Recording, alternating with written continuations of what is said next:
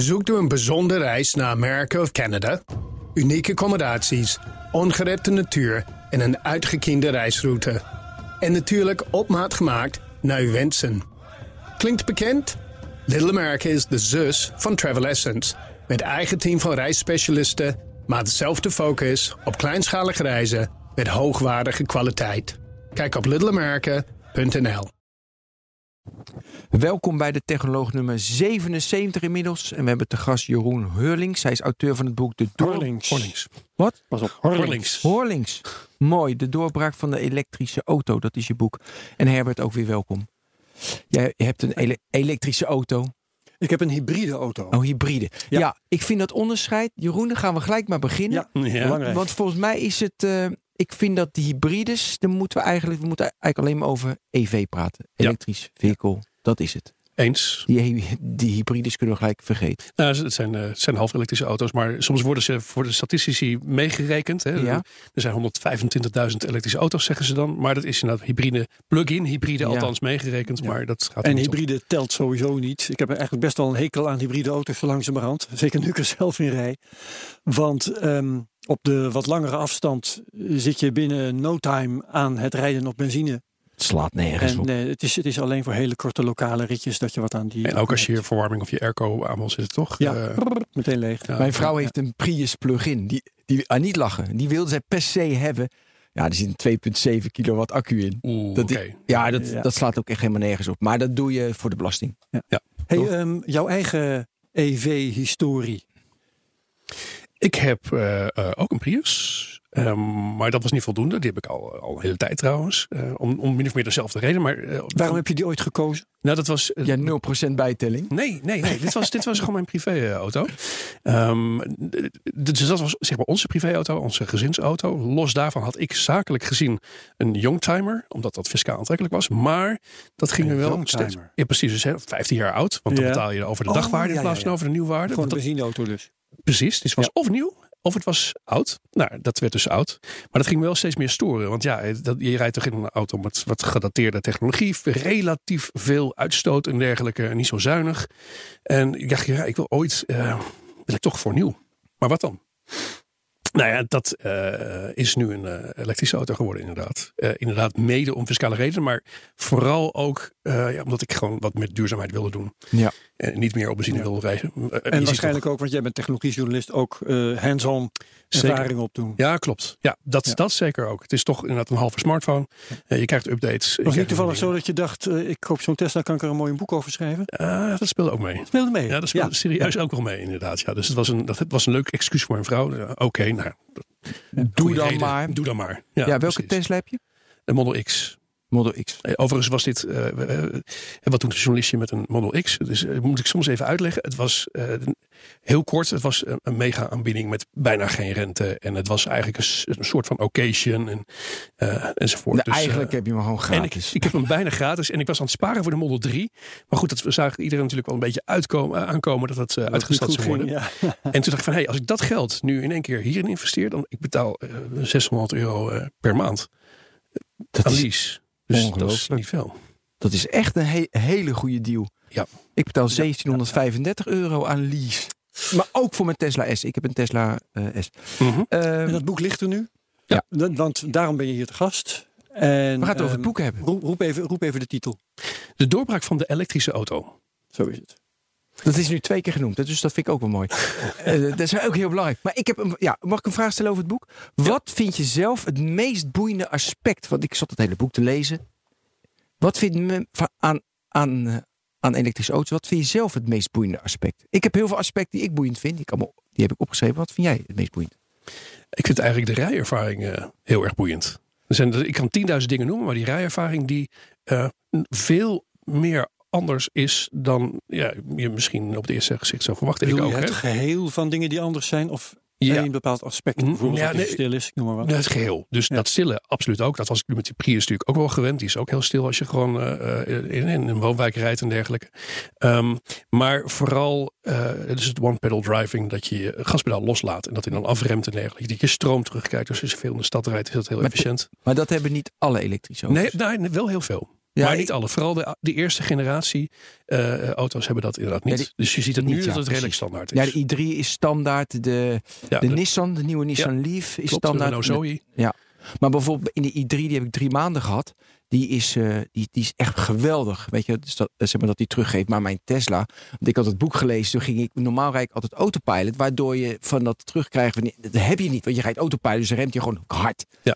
Dus ik ging expres sneller van de autopilot af om dat weer te voelen. En ja, dat is ook weer dat je anders gaat rijden. Ja. Ehm, ja, en dat vind ik in de, vooral bij de i3 vond ik dat echt geweldig. Is dat je remt gewoon niet meer. Mhm. Maar mijn vrouw en mijn dochter vonden dat heel vervelend. Hm. Dus dat is ook wel weer persoonlijk. Het is heel persoonlijk. Want Ja. mijn vrouw vindt het ook weer heel erg fijn. Eh, maar eh, sommige mensen die erin rijden, eh, je moet er die eerste dagen natuurlijk Je moet ontzettend even wennen, ja. Maar als je dan doorkrijgt dat je, dat je je rechtervoet niet steeds hoeft te schakelen en naar het rempedaal hoeft te zoeken, dat is gewoon wel heel erg fijn. Ehm, maar, nou ja, maar er waren ook nog andere dingen. Wat, wat zij bijvoorbeeld weer niet gebruikt is eh, geen autopilot. Tot mijn grote verbazing. Terwijl ik vind dat ook fantastisch. Was absoluut ook een hele belangrijke reden om daarvoor te kiezen. Die krijgen veel grote afstanden. En eh, nou, dan is dat zoveel rustiger dan normaal rijden. Zelfs cruise control, eh, adaptive cruise control is ook fantastisch. Maar je moet toch nog steeds je handen continu aan het stuur En wat houden. doe jij mentaal of misschien ook wel fysiek eh, als je rijdt op autopilot? Ik eh, eh, houd mij keurig aan de regels. Dus ik ga niet mijn laptop erbij pakken of mijn smartphone. eh, dat soort zaken allemaal. Mhm. Maar ik heb gewoon wel net iets meer tijd om af en toe eventjes naar een, een vogeltje wat voorbij vliegt te kijken. of een bootje en dat soort zaken allemaal. Of inderdaad gewoon simpelweg eventjes een ander liedje te kiezen op het dashboard bijvoorbeeld. Ja. En zitten we En- toch binnen vijf minuten over zelfrijdende auto's te praten? Oh, dat mag niet. Ja, ja, ja. ja nee, Hadden we maar afgesproken niet over doen? niet te doen. Maar nog heel even. Dus Ja. Vincent Evers die hangt dan een flesje aan ze. En ik heb wel Mhm. met een balletje geprobeerd, maar dat werkt niet. Ik doe dat niet. Nee. En dat, ja, Wat zoekt Vincent even met Eh, die doet, ja, die doet, als je een flesje water eh, een touwtje aan je stuur bindt, Ja. want dan voelt hij voor mij direct dat je de hele klopt. tijd. Dan hoef je je handen niet aan het stuur te houden. Dan kan je zwaaien en dansen enzovoort. Ja. ja, ik doe dat niet. Ik heb wel een balletje geprobeerd tussen mijn stuur, want ze hebben gezegd dat een sinaasappel of een zo'n zo kneedbaar balletje ook werkt. Werkt niet trouwens. Eh, maar ik dacht, ja, ik vind het allemaal zo, zo, ik vind het allemaal zo knullig. Dus ik denk, joh, ik hou gewoon mijn hand aan mijn stuur. Dat is prima. Is ook veiliger trouwens. Ja, dat is het hele punt inderdaad. Het is, mensen moeten zich wel realiseren, het is nog steeds een soort van beta-functie. Staat er ook bij. En eh, je, het is echt een hulpmiddel wat je ontlast en wat een lange reis veel relaxter maakt. Ja, dat is echt zo. Maar ehm, het, het is niet perfect. Het is het afgelopen half jaar, valt mij op, ontzettend verbeterd alweer. Want Ja. hiervoor links-rechts inhalen, was, dat, daar werd je achterin misselijk van. Nu niet meer. Eh, dus die verbeteringen die lopen maar door. Fantastisch interessant. Maar het is niet perfect. Het gaat ook wel eens fout. Dus ik blijf wel alert. Ja, maar ik vind het wel schandalig dat als, nu, als er nu een ongeluk gebeurt, dat ze allemaal die autopilot deugen. Ja. Maar het is veel veiliger. Dus dat, Ja. dat wil ik nog wel even zeggen. En dan zijn we klaar met zelfrijden. Oh, wat zouden we het niet over hebben. Maar dat is dus de rijervaring. Dus het is stil, weet je, heerlijk. Ja. Eh, dus, dus dat vind je interessant. Het, het rijden, autopilot vind je heerlijk. Terugvinding En, van remenergie. Ja, Ja, en precies. remenergie. Gewoon de efficiëntie ervan. Ja. Dat hoort er eigenlijk ook een beetje bij, indirect. We hebben natuurlijk, eh, duurzaamheid is dus ook een aspect. Maar vooral die efficiëntie van een elektromotor, hè, die ligt rond tussen de 80 en 90 procent. En daar is nog ruimte voor verbetering. Terwijl bij een brandstofmotor is dat tussen de 25 en de- en de 35 procent ongeveer. wil je daarop ingaan? Dat vind ik even boeiend. Dus we- 80, 90 procent. Wat moeten we doen om die, eh, eh, om die, om die, effici- nou, die efficiëntie nog beter te maken? In, ja, nou, er is een, op dit moment eh, groeiend, maar toch beperkt aanbod van verschillende elektromotoren en dergelijke. Eh, eh, er zijn verschillende accutechnologieën. Dat worden er steeds meer en meer en meer en meer. was Eh, een van mijn onderwerpen, accu's. Ja, precies. Dat, maar dat heeft dus allemaal daar weer mee te maken. Je hebt ook concepten waarbij je, voor mij ook een beetje zoals jouw hybride eh, auto werkt, Herbert, dat je elektromotoren in beide wielen hebt zitten. En dat, dat vergt weer een andere aansturing. Ik kan me voorstellen dat het in bepaalde gevallen nog efficiënter kan werken met een hele grote accu dan eh, dat je er één hebt aan de achterkant. Of juist weer twee met all-wheel drive die Ja. weer samenwerken. Eh, nou ja, goed, die, dat soort auto's, die worden nog maar sinds 2012 gemaakt. Dus dat is nog niet heel erg lang. En daar zie je nog wel stappen gebeuren natuurlijk. Ja, zoals bij de Tesla en ook bij de Leaf of Ampera. Dat de, dat de hele bodem een accu is. Ja. En er zit achter of voor zit er dan een, zit er een elektromotor. Ja, dat is, dat is een van de efficiëntiestappen. Dus wat je eigenlijk tot nu toe heel veel zag, dat Ja. was dat uh, oud-fabrikanten die wilden toch wat meedoen. In sommige Am- Amerikaanse staten, zoals Californië, is het gewoon verplicht. Je moet elektrische auto's hebben. Nou, wat gingen zij doen? Wat is het meest eenvoudige wat je dan kunt doen als autofabrikant? Je pakt een bestaand model, eh, haalt daar wat dingen uit, zoals de motor en achterin, en plaats die accu ergens. Maar dat is dan inderdaad aan de voorkant of aan de achterkant. Maar niet op de meest efficiënte plek. Namelijk onderin op de, op de bodemplaat helemaal uh, relatief plat. En dat draagt ook weer bij, denk ik, in ieder geval aan de wegligging en de luchtverstand. En uh, in ieder geval in de bochten merk je dat natuurlijk weer aan de wegligging. Dus dat is ook weer een stapje. Maar 80 tot 90 procent is al extreem hoog. Hè? En dit is dus de beginstap. Dus we beginnen al met een efficiëntie van 80 tot 90 procent. En wat betekent dat precies, dat het 80 tot 90 procent is? Nou, het is elektriciteit en dat zit in de accu. En uh, je, hebt voor, uh, je hebt nog wel wat inefficiëntie met het laden, want dat is soms uh, gelijkstroom en wisselstroom. Want thuis hebben wij allemaal wisselstroom. Dat moet omgezet worden naar gelijkstroom. Dat doet die auto voor je. Daarbij verlies je wat energie. Dus dat is ook een puntje van nog beter kan. in de toekomst er wordt gewerkt aan zogenaamde DC-laders. Dus laders op gelijkstroom, waarmee je weer misschien een bepaalde slag kunt, kunt slaan. Maar dat, dat moeten we nog een beetje gaan zien. Um, maar uh, in die auto gebeurt dat soms ook. Dus je hebt, als je die componenten heel dicht bij elkaar zet, heb je ook weer uh, veel minder dikke en lange kabels nodig. Hmm. En win je weer efficiëntie. En ook daarvoor is dus weer de positionering van die accu, plus de elektromotor, plus de bekabeling heel erg van belang. En ik denk dat een aantal fabrikanten heel erg op weg zijn. Maar ik denk ook dat er nog heel veel winst te behalen is op dat vlak. En als we dan toch over efficiëntie hebben, dat is, dit is puur de elektromotor. Er is, waar ook een enorme stap te maken is, is de luchtweerstand. Want je ziet weer dat heel veel auto's gebouwd zijn zoals de brandstofauto's. Mm -hmm. En die zijn niet uh, echt oh. gemaakt als. Uh, ja, je hebt geen motorkap meer nodig, hè, bijvoorbeeld. Is dat wat je bedoelt? Nee, bijvoorbeeld, ja. ja. ja dus je kan er veel meer. Ja, druppelvorm schijnt de meest mm -hmm. optimale vorm te zijn. Um, probleem is een beetje, mensen vinden dat gewoon super lelijk. Er zijn een paar elektrische ja. auto's die, die zijn bollig en zo. Um, lelijk of mooi, dat is totaal niet van belang, toch? Vind ik ook. Maar heel veel mensen vinden dat toch wel weer van belang. Dat, ja, weet ja. ik. Voor, voor, de adoptie is dat nee, voor een bepaald percentage. Dat zal geleidelijk ja. moeten. Overigens is het zo dat uh, er is een tijd geweest, volgens mij was dat uh, in de nasleep van de oliecrisis in de vorige eeuw, dat CW-waarde ja. ontzettend belangrijk werd in de advertenties stond en Audi, weet ik wat niet allemaal. Dat weet ik 0,28. Ja. En de auto's gingen natuurlijk steeds meer op elkaar lijken. Ja. Allemaal met die vijfde deur en zo. Um, dat is een beetje weg. Ja. Ja, zeker die CW-waarde wordt uh, ik hoor het de laatste meer, tijd nee. juist minder aandacht aan besteed. Maar dat gaat weer terugkomen, denk jij?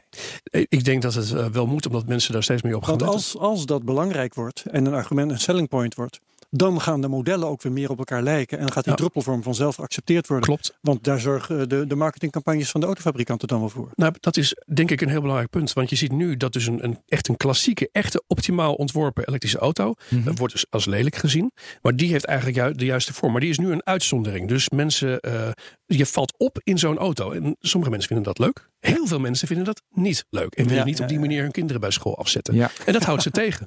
Wat is wel leuk met die CW-waarde. Ik zoek het even op. Dus gemiddeld is het. Nee, een auto is tussen 0,25 0,35. Ik kan me nog herinneren, advertentie van Audi. Uh, Audi 100 was het toen, dat 0,26. Dat weet ik nog toen ik klein was. En, maar de BMW i8 heeft 0,26 en de Hummer H2 heeft 0,57. ja, ja, getallen zijn toch mooi. Dus, Rijdend koekblik. Ja, maar ik, maar ik zocht van Tesla en die kan ik even zo, snel niet vinden. Mooi. -hmm. Oké, okay, CW-waarde, goed. Wat valt er nog meer te verbeteren? Want je noemt een aantal punten. Hè? De, de gelijkstroom en dergelijke, de efficiëntie van het laden. Wat zijn nou de belangrijkste dingen die nog verbeterd kunnen worden aan elektriciteit? Nou, um, wat wel een belangrijk puntje is, is de veroudering. Uh, van accu's. Van accu's, inderdaad. Ja. Het, het, zijn lithium gebaseerde accu's. En ja, die verouderen. Dat is een, dat is een nadeel aan, aan dat type. Uh, het is wel heel belangrijk om te benadrukken dat uh, er heel veel ja, mensen daar heel veel weinig begrip van hebben. In die zin dat ze vaak denken dat het hetzelfde is als een smartphone of een laptop. Dat is niet zo. Het is wel hoe snel het de accu Ja, klopt. Want die kun je na drie tot vijf jaar, hè, dan, dan houdt je smartphone mee op. Of is die zo uh, traag en is de accu zo slecht dat die uh, het nee, gewoon niet in jouw boek doet. staat dat met de accu's van uh, elektrische auto's best meevalt. Ja, dat klopt. Dus in principe kun zou je kunnen stellen, je kunt het daar niet mee vergelijken. Niet met een smartphone of met een laptop. Maar mensen hebben dat vaak wel in hun hoofd. Hè. Een jaartje of vijf en dan is je auto waardeloos, want je accu is verouderd. Dan kun je hem, ja, niemand wil hem meer kopen, dus dan blijf je daarmee zitten.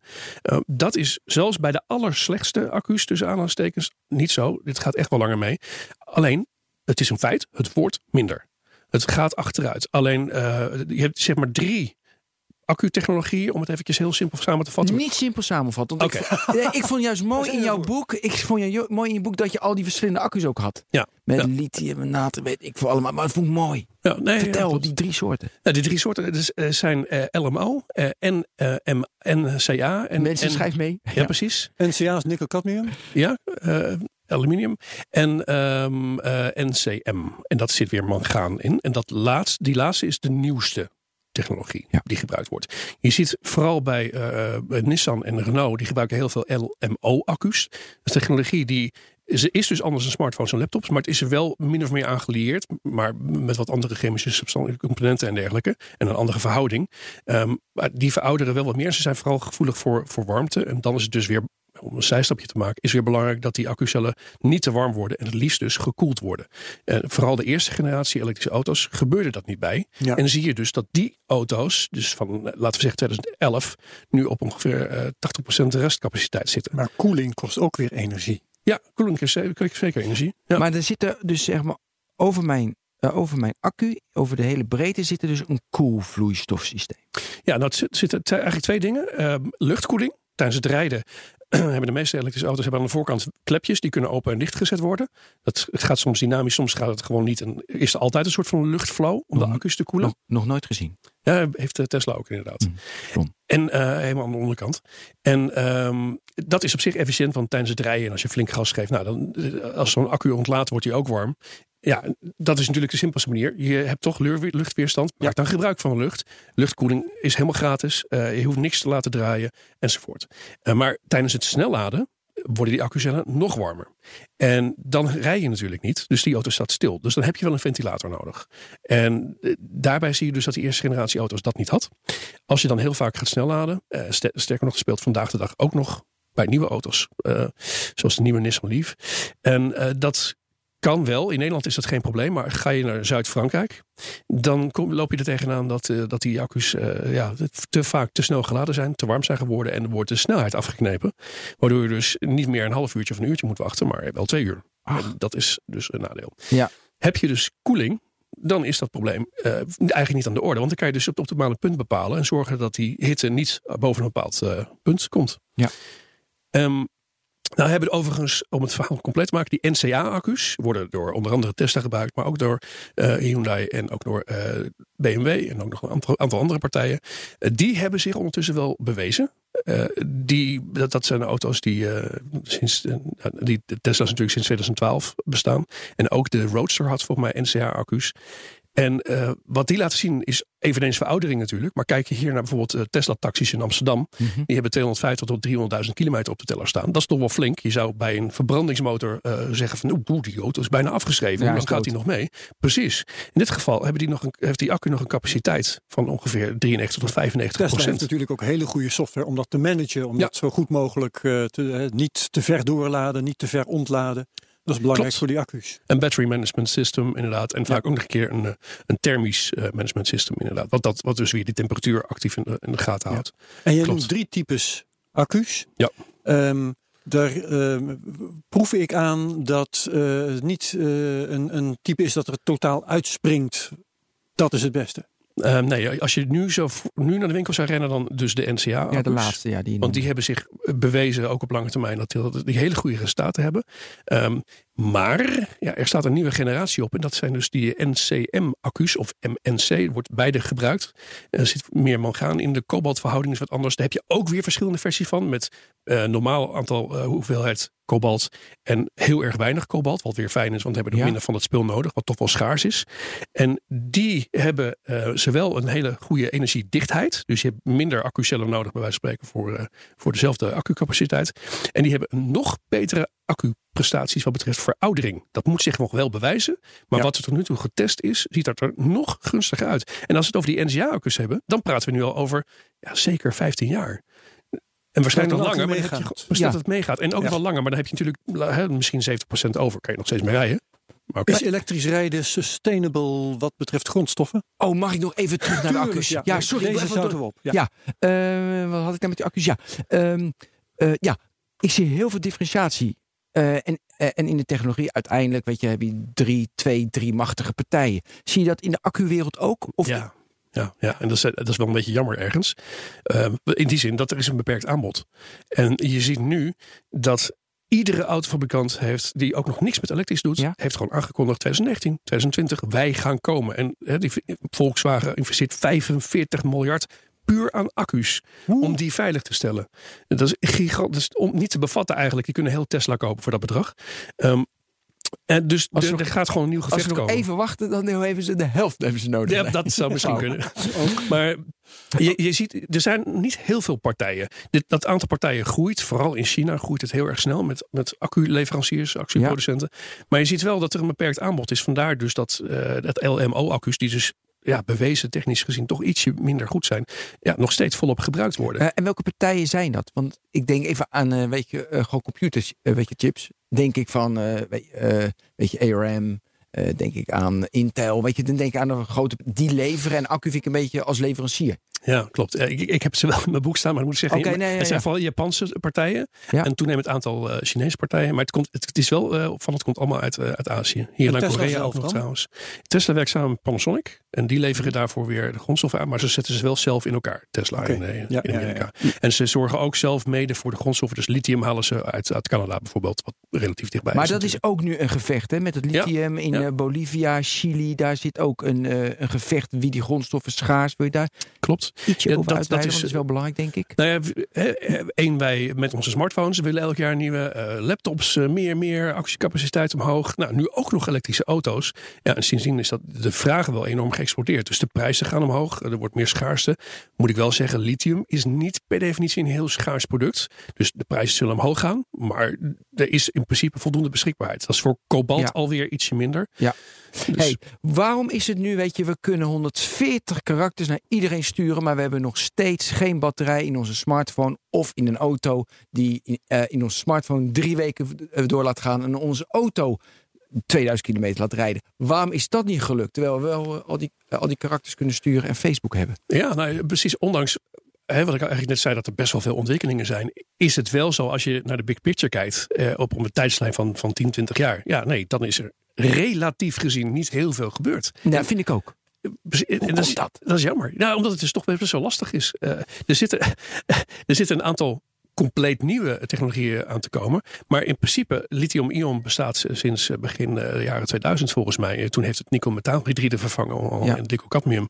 Ehm, ja, dus nog niet heel erg lang eerlijk gezegd. En we zijn op dit moment met al die variaties die ik noemde, zijn we bezig om daar het optimale uit te halen. Dus we zijn nog niet klaar ermee. Ja. Maar het is wel steeds toch een beetje hetzelfde. Ja. Als je het over eh silicium-gebaseerde solid-state accu's hebt, dat is wel weer een, een iets ander verhaal. Ja, Jeroen, en ik zit hier heel, heel zit ik al weken mee. Moet je dan die 45 miljard, moet je dan alles stoppen in? Want de kern is een nieuwe batterij die lang meegaat. Maar wat autofabrikanten, of ook in de smartphone ziet ook, dan gaan ze ook geld stoppen in dingen waarvan je weet, is toch niet duurzaam. Het zal wel eh, dat ik op afstand, ik geef altijd dat voorbeeld, mijn, eh, mijn klakson kan bedienen. Weet je, wat eigenlijk niet zo belangrijk is. Ja. Waar, is er van, ja, het is onzin die klakson, niet doen. Of dat moet je juist wel doen om de mensen eh, al, zeg maar, enthousiast halen. daar over te halen.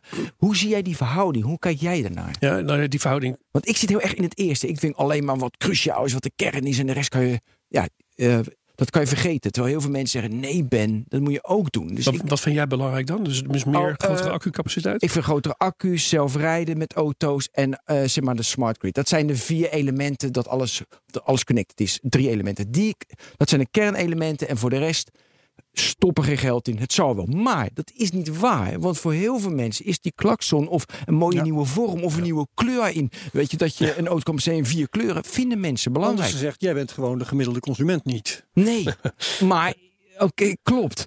Maar ik wil heel graag jouw mening weten hoe jij die nuance ziet. Ja, nou, ik denk wel dat die nuance heel complex is, inderdaad. Omdat je zoveel uiteenlopende meningen hebt. Ik, ik zou ook zeggen, eh, je, je kunt streven naar nog meer accu's, nog grotere capaciteiten. Zodat Ja. je wel in één keer naar Zuid-Frankrijk kunt rijden.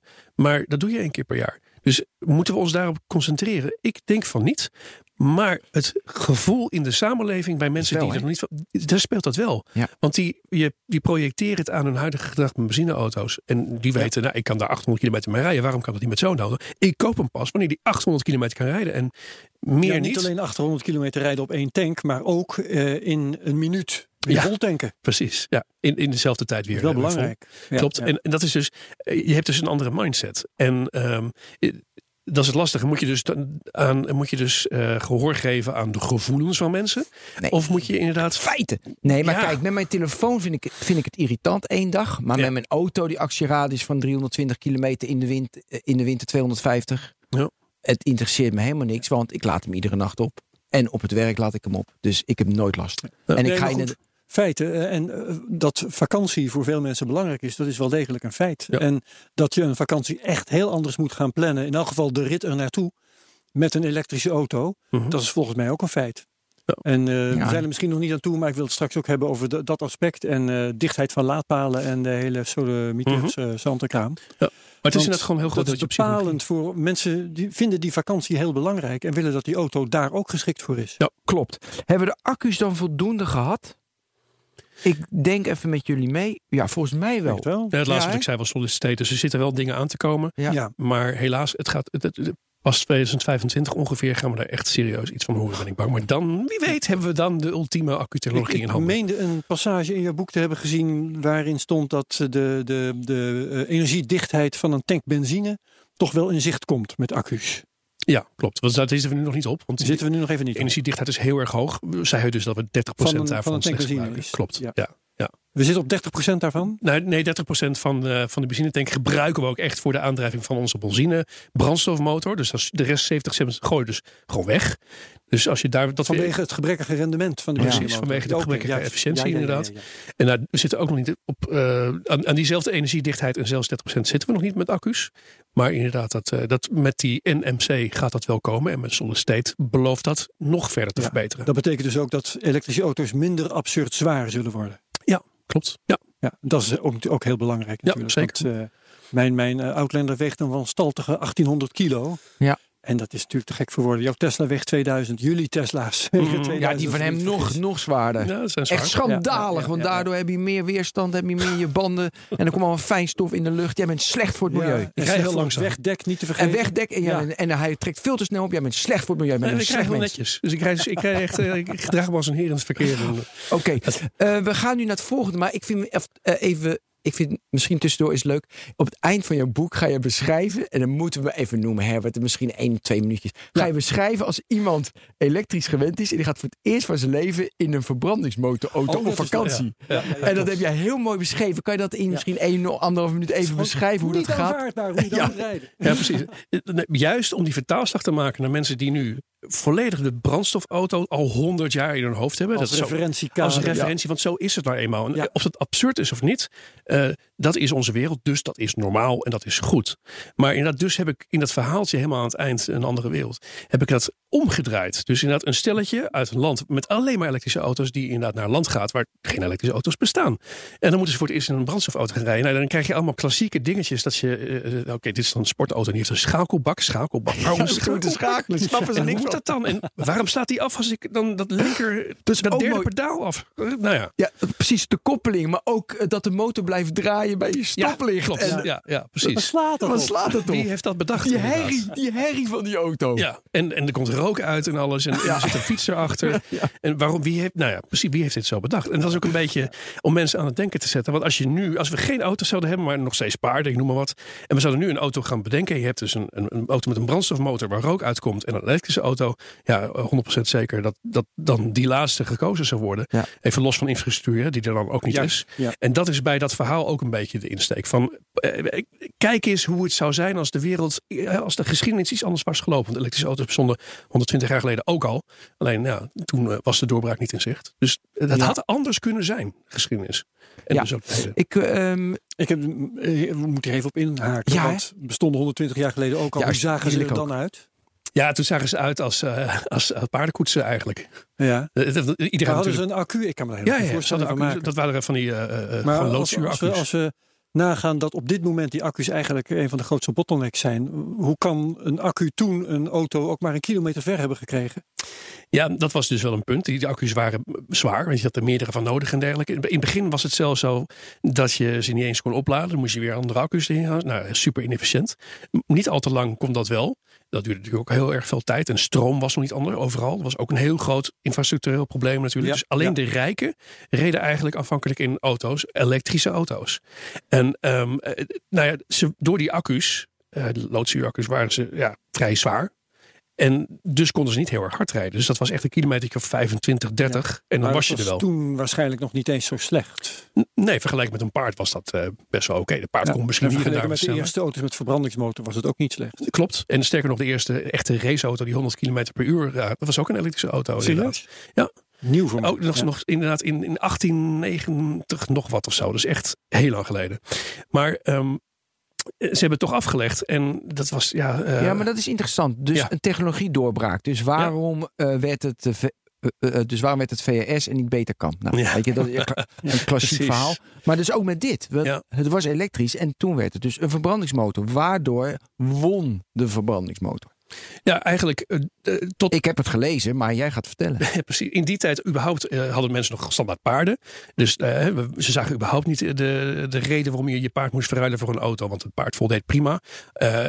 Die elektrische auto's waren gruwelijk duur. Ze waren echt bedoeld voor de rijken. Ja. Dus de rijken hadden ze met chauffeur. Die konden overal komen en dergelijke. Ze waren super luxe aangekleed van binnen en dergelijke. Toen, de, voor de gewone man waren elektrische auto's totaal niet haalbaar. En dat veranderde met de T-Ford. En eh, van de, de Model T. Ehm, en die, dat was de eerste massaal geproduceerde auto's. Dus waar dus een elektrische auto eh, duizenden dollars kostte, eh, kostte die in één keer aanvankelijk zelfs 800 dollar. En dat zakte naar 300 dollar. Eh, dat is- moet je natuurlijk in die tijd rekenen. Maar laten we het Zeker. omrekenen dat het ja, de- de 2.000, 3.000 euro eh, zou zijn tegenwoordig. Ja. Dat was dus in één keer praktisch voor iedereen in één keer bereikbaar. Dus iedereen ging zijn paarden eh, inwisselen voor een auto. Ja, en dus een auto met een verbrandingsmotor. Dus omdat Henry Ford de, de auto, de verbrandingsmotor heel goedkoop kon maken. En daardoor voor de massa. En dat lukte hem niet met elektrische auto's. Daardoor is het dus de verbrandingsmotor geworden. Ja, die massaproductie, dat heeft eh, de nek omgedraaid van de elektrische auto. Ja, maar voor hetzelfde geld was dat gelukt met elektrische auto's. Ja. Maar dat deed hij niet. Wat zat, wa- waarom kon dat niet met een. Want hij had ook een elektrische auto kunnen nemen en die goedkoop produceren. Ook 300 euro, klaar. Ja, nee, klopt. Ik, het waren ook, een brandstofmotor was ook niet perfect in die tijd. Hè? Dus je moest nog ons draaien aan de Ja. voorkant met zo'n ontstekingssleutel en dergelijke. Dat werd toen ook opgelost rond die tijd van de T-Ford. Dat was een enorme stap vooruit. Ze konden natuurlijk verder gaan rijden dan een elektrische auto. Ja. Want je hoeft niet. je- ja, op een gegeven moment kwamen er hier en daar tankstations en dergelijke. En nou ja, de afstand was groter. Er waren, ook, er waren ook technische verbeteringen, ja. Want inderdaad, met dat draaien hoefde niet meer. Maar je kreeg een verbrandingssleutel, gewoon een sleutel. En dan had je een ontsteking. Dat was dus ook een doorbraak. Klopt, en milieu was natuurlijk toen geen issue. Want mensen wisten toen echt nog niet dat het zo super slecht voor eh, nou, de gezondheid was en voor eh, de, de planeet, zeg maar. Ja, maar er is een rapport van Rockefeller en die olie dat die al zei van eh, dit gaat mis. Nee, Ja, jaren niet. 50, 60 was dat inderdaad. Nee, oké, oké. Helder. Dus eh, toch technologische verbeteringen waardoor en goedkoop, daardoor Ja. won de verbrandingsmotor. Ja.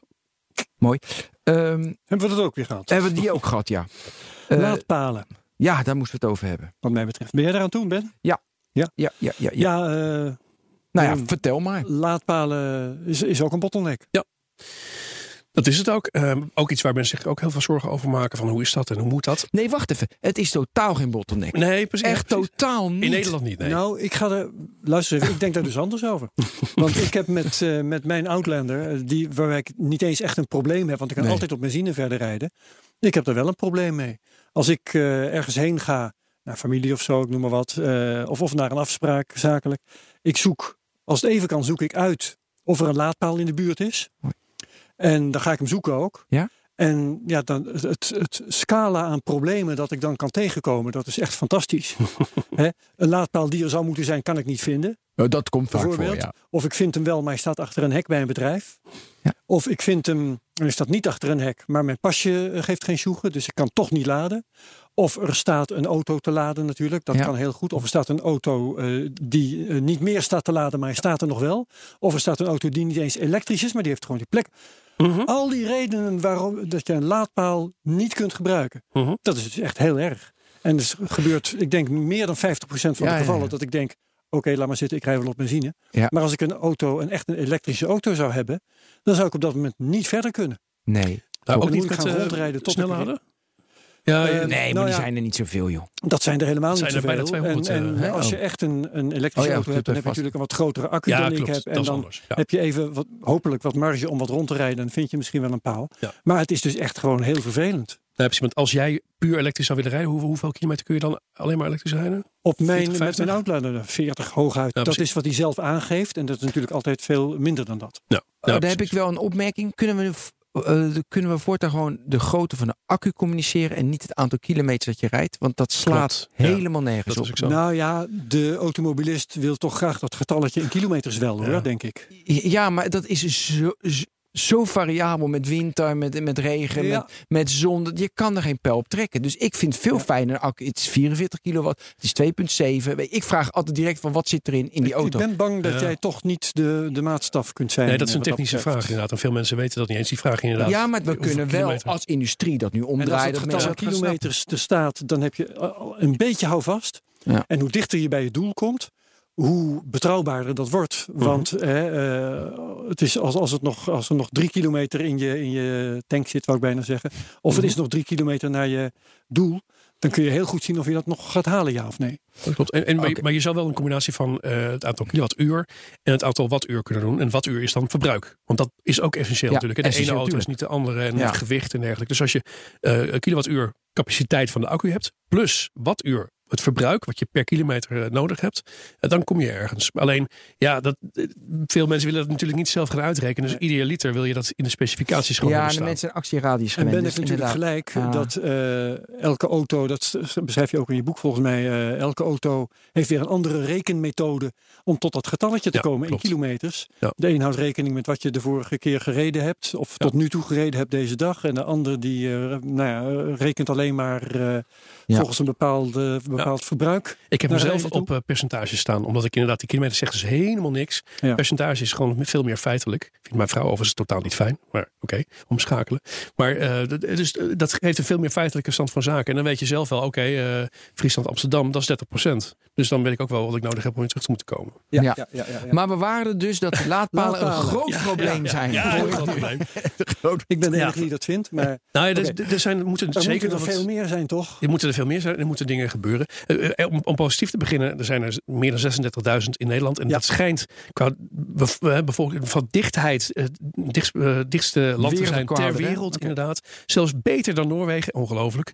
Ehm, Dat want, is geweldig. want dat is ook heel goed. Maar, Maar het moet nog beter. ja, Maar het moet vooral beter, want jij noemde er straks een heel interessant punt. eh, Wat een heel ander probleem is, wat absoluut opgelost moet worden. Namelijk, wat doe je nou als je ergens parkeert bij een laadpaal? Je bent een elektrische auto, je bent of een plug-in. En je bent het opladen, maar je bent klaar. Ja, Ja. dan blijf je dus staan, want het is nacht. Je gaat niet die wekker zetten om drie uur s'nachts. Oh, hij is dan klaar. Ik ga naar buiten, ik ga hem verplaatsen. nee. Eh, Maar ja, dan hou je dus wel dus die, die veel langer dan nodig is, die laadplek. Nou, plus als er dus een, eh, een plug-in auto staat en ik moet echt laden, dan denk ik altijd, ja, ik heb voorrang, want Ja. ik moet Ja, laden. Ja, dat, Maar dan heb je Een- geen voorrang. eh, verplicht een telefoonnummer eh, onder je dashboard. Ja, dat, zou eh, iets kunnen zijn. Hoewel, het schijnt ook bij Schiphol, daar heb je heel veel laadplekken tegenwoordig. En dan gaan mensen dus op vakantie of ze zijn twee dagen zakelijk weg. Ook daar staat het heel vaak dan vol met plug-in auto's. En dan kun je er gewoon niet meer bij. Dus wat je dan zou kunnen doen, is dat je gewoon meerdere aansluitpunten maakt. waar- Waarbij dat systeem zelf communiceert. hey, die auto is klaar, die was eerst. Maar die auto die is, eh, die is nu aan de beurt. Of die is leger, dus die ga ik eerder laden. En dergelijke. Gewoon wat meer, wat meer slimheid erbij.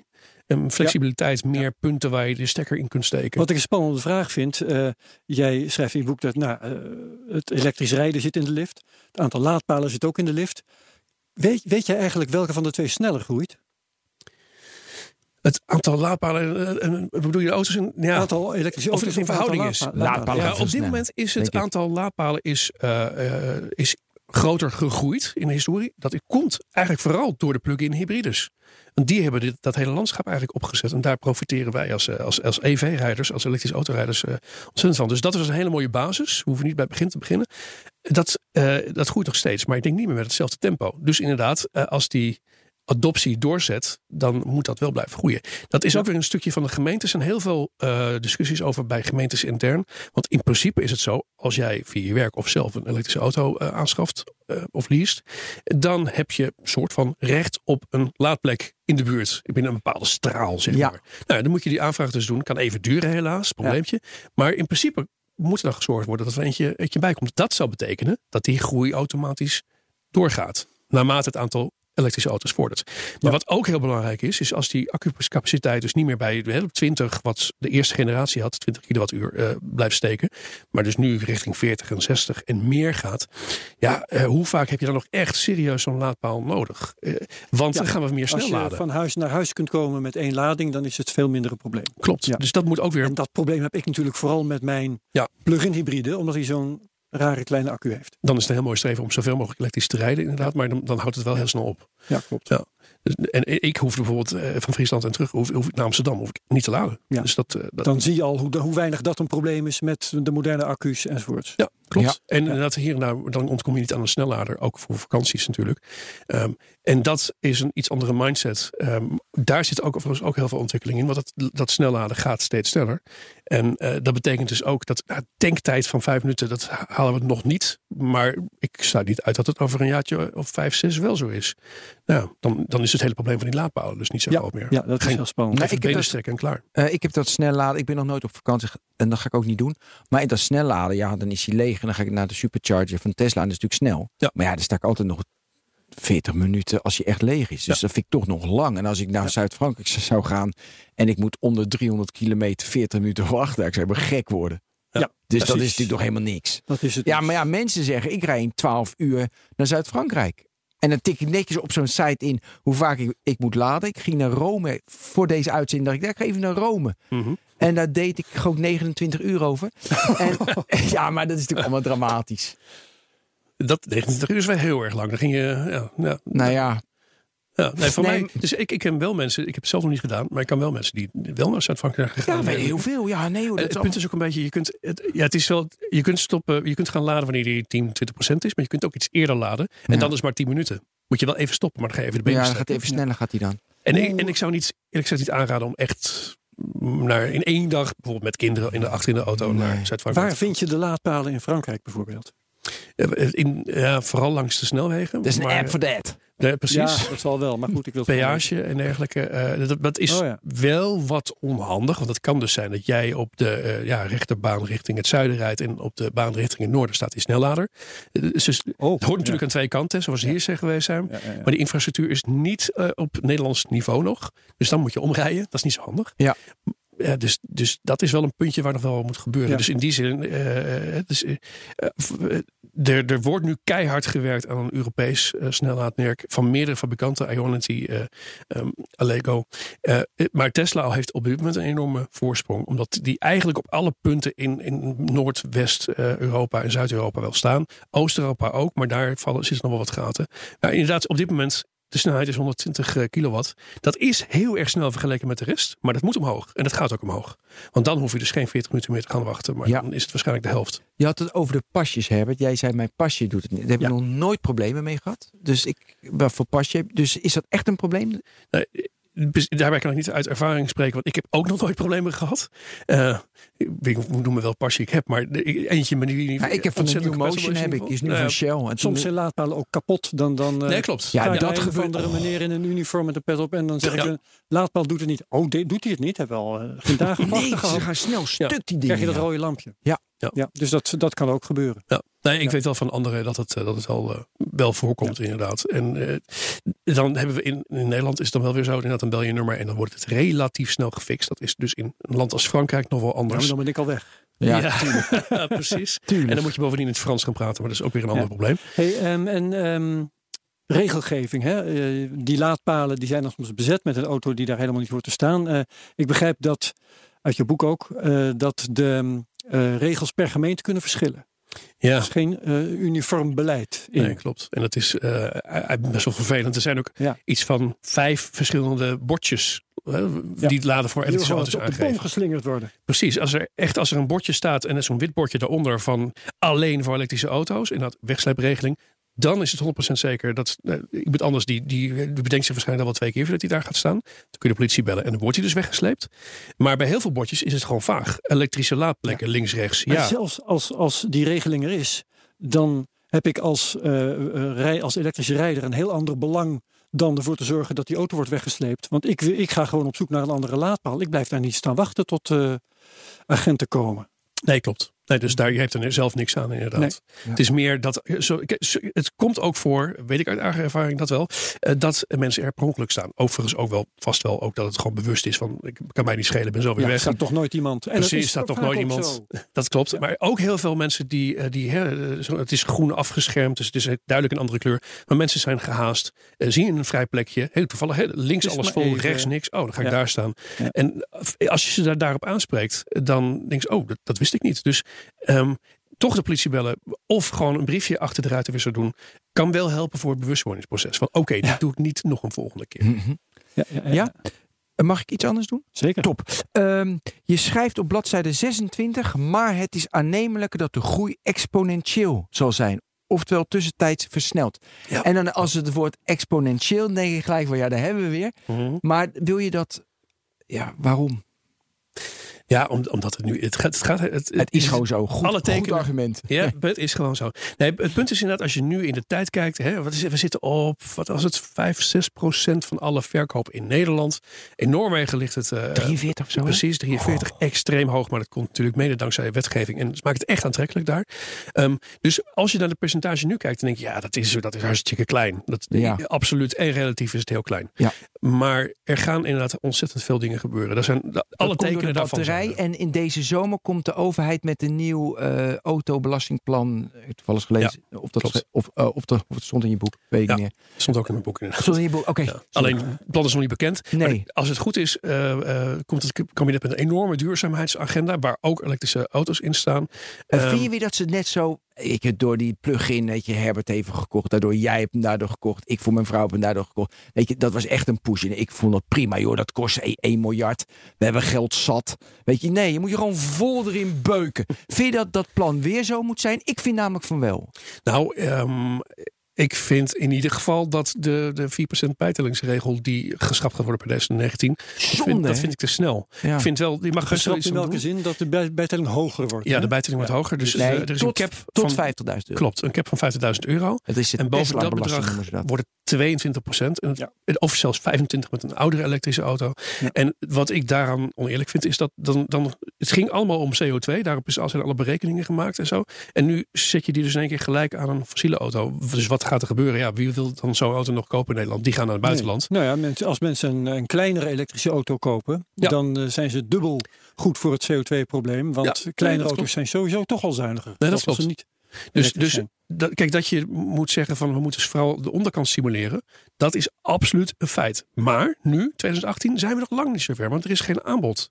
Ook niet aan de onderkant van de markt. Ja, ja, ja. En tot dat moment moet je dus niet in één moet keer... gestimuleerd, zijn, eh, gestimuleerd worden aan de bovenkant, Ja. bedoel jij te zeggen. Nou, want aan, aan beide kanten. maar beide allemaal begonnen. Zolang er geen serieus aanbod is onder de 25.000 euro, heeft het geen zin om alles boven de 25.000 euro te gaan cappen. Ja. Want dan ga je, gaat het, het hele proces. Hè, we hebben ook hele hoge doelstellingen als tenminste de Nederlandse regering heeft. 2020 moet het 10% 2025. Wat Nou, is daarbij de stok achter de deur? dat is dus het punt. Die is er dus Ja. nog niet. Nee, het is alleen maar een streven. Ja. En er geen prijs? Is toch... Ja, Nou ja. nee zeker. Het is dus een streven. Het, het is ergens vastgelegd. Ja. Maar hoe kun je zeggen dat gaan we bereiken in 2020? 10% elektrisch rijden. Ja. Ja. Ja. Jeroen zegt terecht, dat vermoed ik al. Dat kun je niet. Nee. Je kunt er wel naar streven. Nee, je kan toch op al die subsidies... manier Jawel, Je je, afdwingen. jawel, maar je geeft al die subsidies... en dan gaan mensen het Ja, vanzelf daar gaan... knagen nou, ze nou juist aan. hoor Ja, maar, maar daarom wil ik nu beleid horen van Jeroen.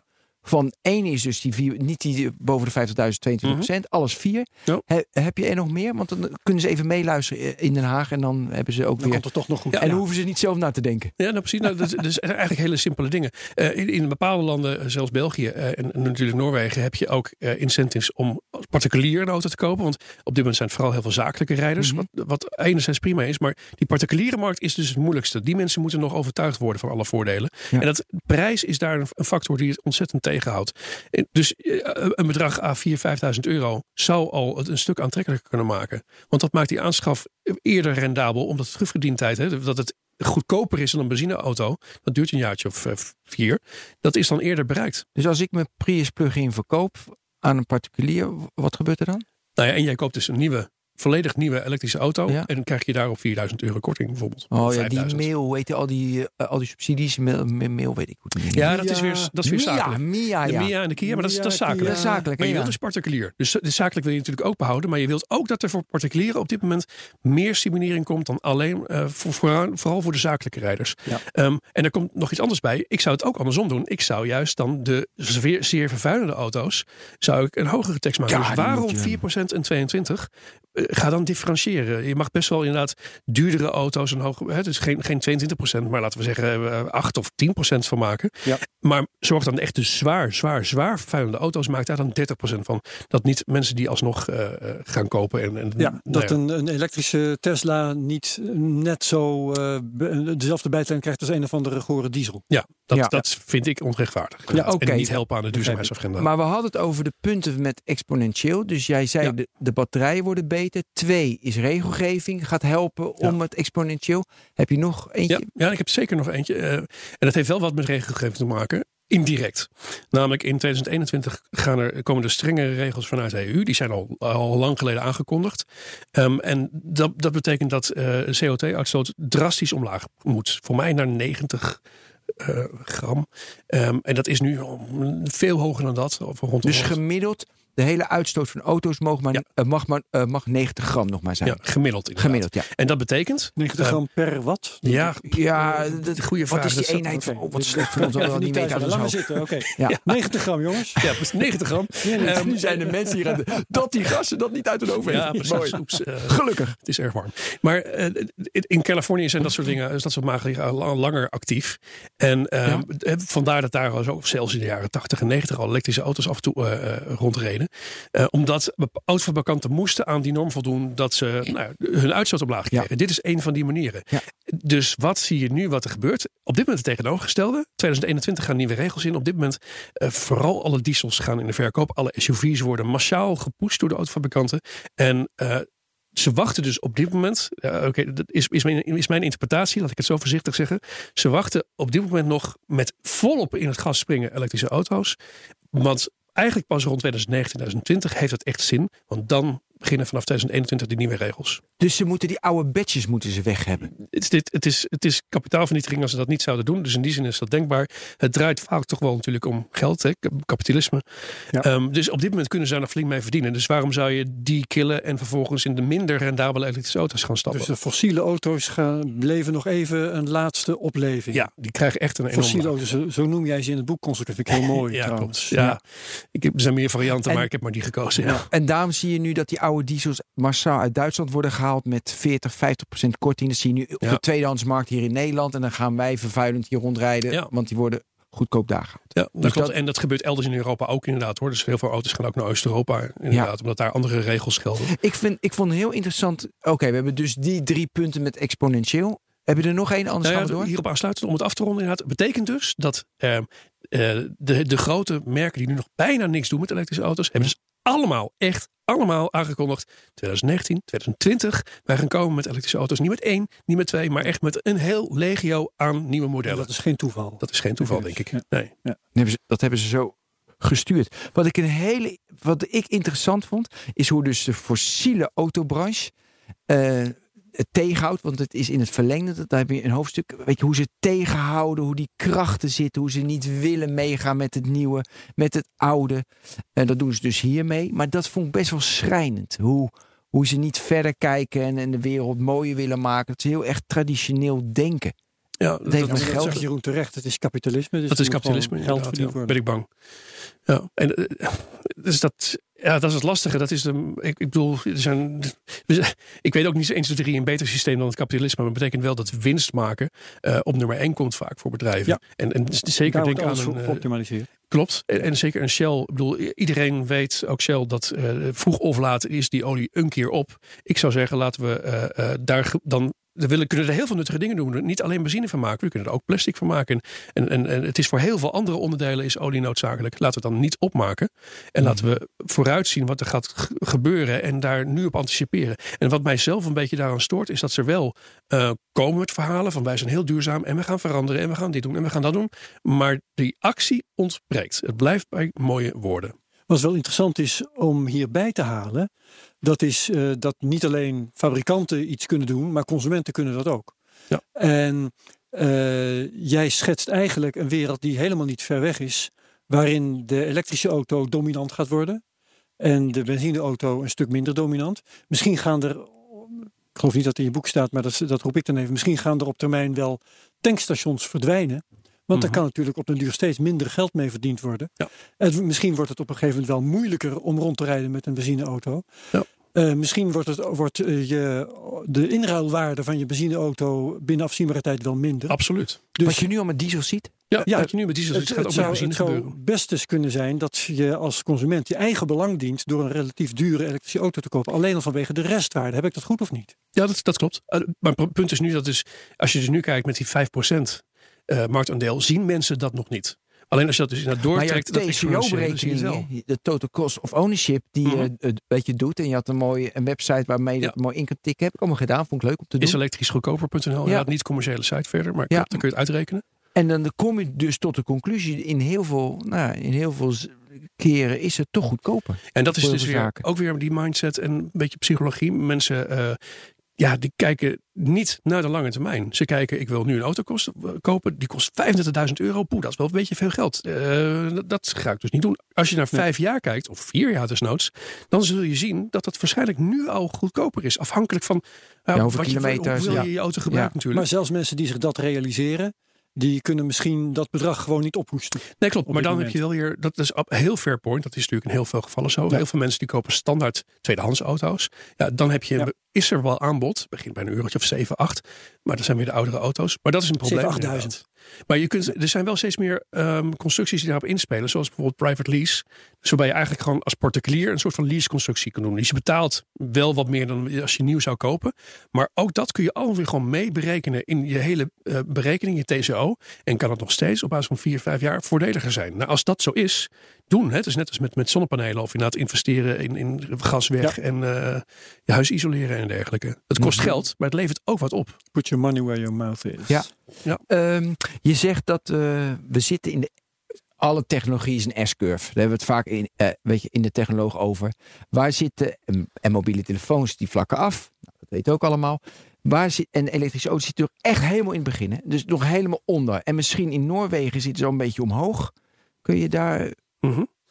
iets over zeggen? Ja, precies. Nou, aan het eind van het eerste hoofdstuk staat zo'n grafiekje eh, die ik gemaakt heb. Dat, dat grafiekje is gebaseerd op, op ieder jaar wereldwijd 50% groei. 50% dat is dus wereldwijd. In Nederland ligt de groei veel hoger, namelijk 136% afgelopen kwartaal. Ik weet niet of dat exact zo doorzet. Ja, met EV? Maar ja, met even Ten opzichte, van, 136%. ten opzichte van de kwartaal een jaar geleden. neem ja, aan. klopt. Ja. Kwartaal een jaar geleden. Ja, en dat is interessant, extreem. hè, want, eh, want de belasting heeft even nu geen invloed, want het was vorig jaar ook al 4%. Klopt. Dus dat, is helemaal mooi. Anders Ja. wordt het beïnvloed door al die Ja, belastingen. daarom, juist, juist door die belasting heeft wel eerst als punt. Dit jaar zal een recordjaar, echt een heel Oh. groot recordjaar worden. eind dit iedereen gaat jaar. die ja, auto's, precies. Ja, eind dit jaar. Ja, mooi. Maar dat is weer een ander verhaal. Ja. Maar precies die. ehm, dus als je ook naar die eerst een, een grafiek waarbij je uitgaat van ieder jaar 50% groei van elektrische auto's, zul je zien dat we nu inderdaad nog steeds aan het beginpunt zitten. Ook al zijn we al sinds 2011 bezig eigenlijk met deze elektrische auto's, maar toen nog, nog veel lagere aantallen. Maar dan zie je ook dat rond 2024 dat eigenlijk al een soort van ja, eh, omschakeling is. Dus het percentage elektrische auto's dan, eh, ik heb nog even geschat, een, een procentje of 30, 40 procent zou zijn in Nederland. Even met de huidige regelgeving nog. Hè? Dus het kan nog, kan Ja. nog beter, kan nog sneller gaan. Ehm, en ja, vanaf dat punt, het is eigenlijk denk ik nu al niet meer te stoppen. Maar bedoel, dan zul je dus inderdaad gaan zien wat Herbert er straks ook al zijn. Dan, eh, wie koopt dan nog op voor de lange termijn een nieuwe tweede fossiele auto? Wat wel een belangrijke vraag is, eh, want daar, daar besteed jij in je boek ook wel aandacht aan. Hoe weten we zeker dat het daarbij blijft? Ik bedoel dat, eh, de elektrische, dat elektrisch rijden inderdaad datgene is waar we naartoe gaan. En niet bijvoorbeeld de waterstofauto of Ja. nog weer iets anders Ja. dat we nu nog helemaal niet kennen. Ja, dat Eh, is, de ontwikkelingen gaan niet stilstaan. En hoe zeker ben je dat jouw elektrische auto straks wel inruilwaarde heeft? bijvoorbeeld. Nou ja, precies. Je zult uh, van een fossiele auto zou je dat met redelijke zekerheid kunnen zeggen in de periode 2030-2040. Um, elektrisch en waterstof is ook een hele interessante discussie, inderdaad. Uh, want ik denk dat in beide gevallen overigens positief. Want in beide gevallen zijn ze veel duurzamer dan de verbrandingsmotor. Maar uh, waterstof wordt heel vaak genoemd als de, een heel veelbelovende oplossing voor heel veel problemen. Waaronder ook transport. Dat is echt wel vrij gecompliceerd zoals het er nu uitziet. Je hoort bij wijze van spreken iedere maand alweer een, een persbericht met een doorbraak of iets nieuws en grote plannen en dit is de toekomst. En dat hebben ook veel mensen in hun hoofd. Waterstof, dat is de toekomst. Waterstof is denk ik ongetwijfeld een, uh, de toekomst als het gaat om duurzaamheid en om, om, om energieopslag uh, op grote schaal mogelijk te maken. Maar ik denk niet op basis, niet voor de personenauto. En dat heeft verschillende redenen. Um, Allereerst weer die efficiëntie waar we het eerder over hadden aan het begin van de uitzending. Zo'n waterstofauto is eigenlijk, lijkt heel erg op een verbrandingsmotor. Mm -hmm. Plus je hebt zelfs ook nog een keer een accu nou, erbij. Via, via brandstofcellen, hè? Ja, via brand, een brandstofcel, ja. inderdaad, fuelcel.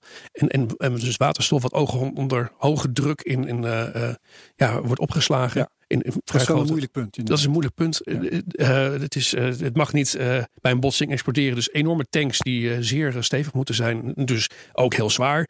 Um, maar ook daarbij, je moet, je moet waterstof maken. Want het is er niet. Het is niet zo dat we het even uit de grond kunnen pompen. Dus ja. bij dat maken, dat kost elektriciteit. En um, daarbij gaat, gaat dus ook weer elektriciteit verloren. Dus je efficiëntie gaat daar al omlaag. Omzettingen die uh, rendement kosten. Klopt. En dan ga je weer van waterstof naar energie in de auto. En dan ga je ook nog een keer de, nog die brandstofcel, die ook niet 100% efficiënt is, maar rond de 60.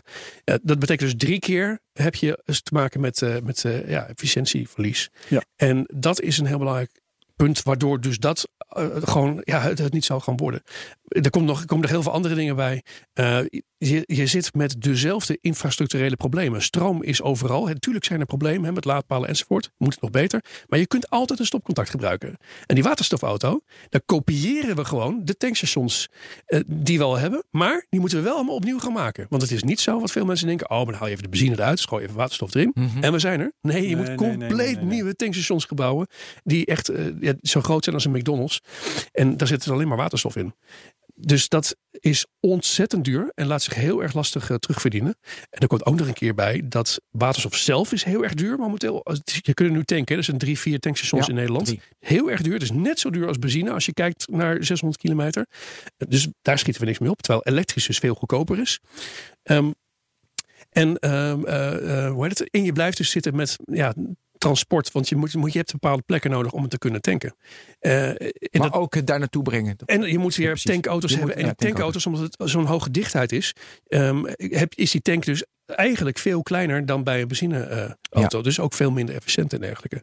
Dus we houden een hele keten in leven. Dus vandaar ook dat bepaalde partijen ja, eh, hè, dit als een mooi alternatief voor olie zien. Maar ik. eh, Maar jij ziet het niet zitten. ik, ik, nou ja, in mijn boek heb ik uitgelegd waarom niet. Waarom inderdaad. niet, inderdaad. Eh, dat is een van de redenen. Eh, Herbert, je mag geen vraag meer stellen. ik was er al bang voor. Ik ben wel heel benieuwd hoe onze eh, collega-podcasters, het Carlo het Brandsen en Bas van Werf van de Petrolheads, ja. hoe die dit vinden. Die vinden dit verschrikkelijk. Die hebben in elk geval heel lang, die hebben een hele historie van mopperen op de elektrische auto. Precies, ja, alleen maar fossiel. En En ik wil ze over een jaar of vijf nog wel eens horen. Maar hoe ze op dit moment er tegenover Ja, staan, weet ik niet precies. nou, ook heel, heel negatief. En dat vind ik zo grappig. Dus we hebben ook weer maar dus, dat zijn ook mensen die houden ontzettend van motorgeronk. Precies, die willen dat geronk horen en die willen... En dan zeg ik altijd, jongens, it's a bug, not a feature. ja, mooi hè? Dat is goed. Eh, Jeroen, bedankt. We hebben genoten. Dankjewel. Oké. Herbert ook Ben bedankt. van den Burg, Tot de volgende technoloog. Zoekt u een bijzondere reis naar Amerika of Canada? Unieke accommodaties, ongerepte natuur en een uitgekiende reisroute. En natuurlijk op maat gemaakt naar uw wensen. Klinkt bekend? Little America is de zus van Travel Essence. Met eigen team van reisspecialisten, maar dezelfde focus op kleinschalige reizen met hoogwaardige kwaliteit. Kijk op littleamerica.nl.